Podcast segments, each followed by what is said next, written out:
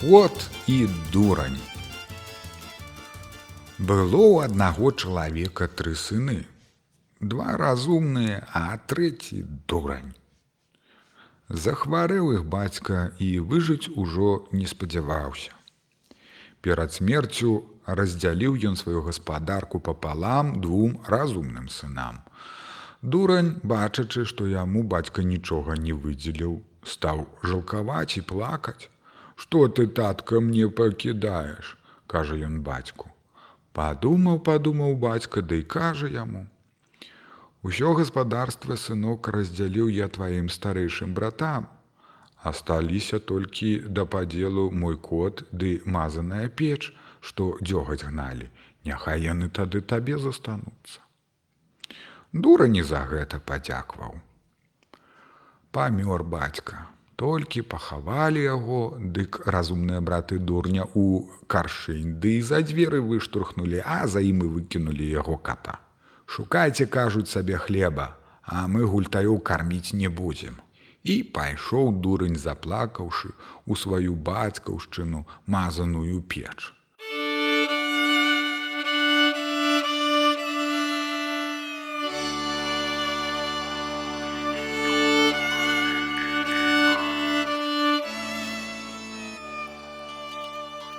Лёг там на попеле, кота палажыў у галавах, каб сагрыцца. Ляжаў ён ляжаў, захацеў есці і давай крычыць: Есці хачу, есці хачу, схапіў кота і кажа: я цябе з'ем. Пачакай трохі, не еш мяне, гаворыць яму кот, я табе прынясу паесці. І пайшоў кот па стрэхах лазіць і ежы шукаць. Прынёс кілбас, накарміў дурня. Толькі ён наеўся, стаў крычаць: « А я жаніцца хачу. Тут ужо і кот нічога не можа дарадзіць. Так дурань крычаў, пакуль зноў есці не захацеў. І так кожны дзень. Выгаладзіцца крычыць, есці хачу, пад'есть крычыць, жаніцца хачу, нават біць кота стаў. Трэба яго жаніць, думае кот, Але ж як паказацца ў сваты з такім слупам у попеле. Хто за яго за такога пойдзе замуж? Думаў, думаў кот і надумаўся.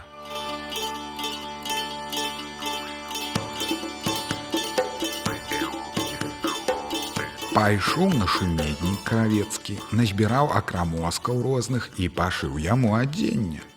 Потым пайшоў на шуметнік шавецкі, назбіраў кавалачкаў скуры, кончыкаў дратвы і пашыў яму боты. Накарміў дурня, абмыў яго і адзеў у новыя адзежы. А ведама, што прыбяры пень дык і пень хорош. Так і гэты дурань зрабіўся такі прыгожы, што хоць да каралеўны вядзі яго, аж кот на яго залюбаваўся. Ну, пойдзем у сваты к нашаму пану, кажа дурню кот. Ты заві сябе панам папялінскім, бо ты ў попеле качаўся. Сядзі, як бы вялікі пан, нічога не гавары, галаву трымай прама, а на сабе не аглядайся. І пайшлі яны ў свет к пану.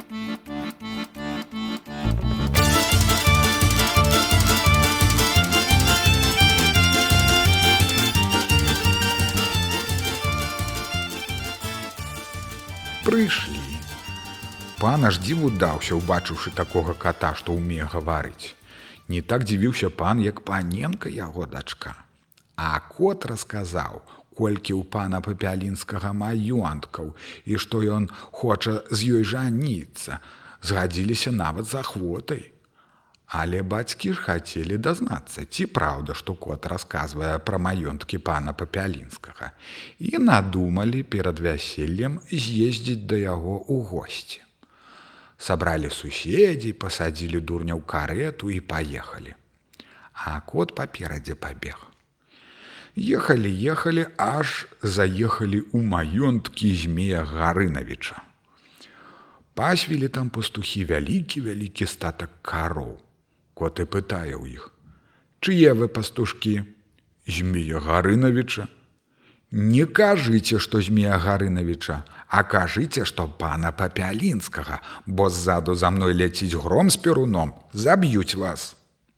Пастушкі так і зрабілі, калі іх паны запыталі, чые яны. Потым кот спаткаў конюха ў змея Гарынавіча і іх застрашыў громам і перуном і загадаў гаварыць, каб яны казалі, што яны пана папялінскага. Яны так і сказалі на панскае запытанне. Бацька паненькі рос як на дражджах ад радасці, што такі багаты пан мае быць яго зяцем. Прыбег кот аж у самы двор змея Гарынавіча і крычыць: Скары хавайцеся куды-небудзь, пане змею, бо ляціць гром з перуном, заб'е цябе і сатрэ на муку. А змей, вядома, баіцца грому, спужаўся. Ды куды ж кажа мне схавацца. Сярод змеева двара расла вялікая дуплістая ліпа. Лезь хутчэй у, у дупло, кажа кот змею. А ён спудзіў, нічога не разабраўшы. Будзь дура не палез у дупло, Кату толькі гэтага і трэба было. Забіў дупло паленам і глінаю замазаў. Потым кот крычыць змеевай дворні. Калі хочаце жывымі быць, дык не кажыце, што вы змея Гарынавіча, а кажыце, што пана папялінскага буляціць гром з перуном заб'е вас, памалоціць, зацісне на горкі яблык.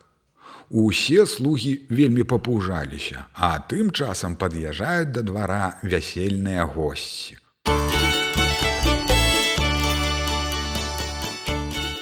Уехалі на двор і дзіву даліся. Так усё было прыгожа і па-панску прыбрана. Слугі выйшлі насустрач і павялі маладых у пакой, там госці і вяселле згулялі. Гучнае было вяселле. Так і стаў дурань панаваць у змеевым двары. Яно праўда, што разумнейшым ён не зрабіўся, але нашто багатаму розум. У каго стае, дык і розум дае. Раз, два, тры, чатыры.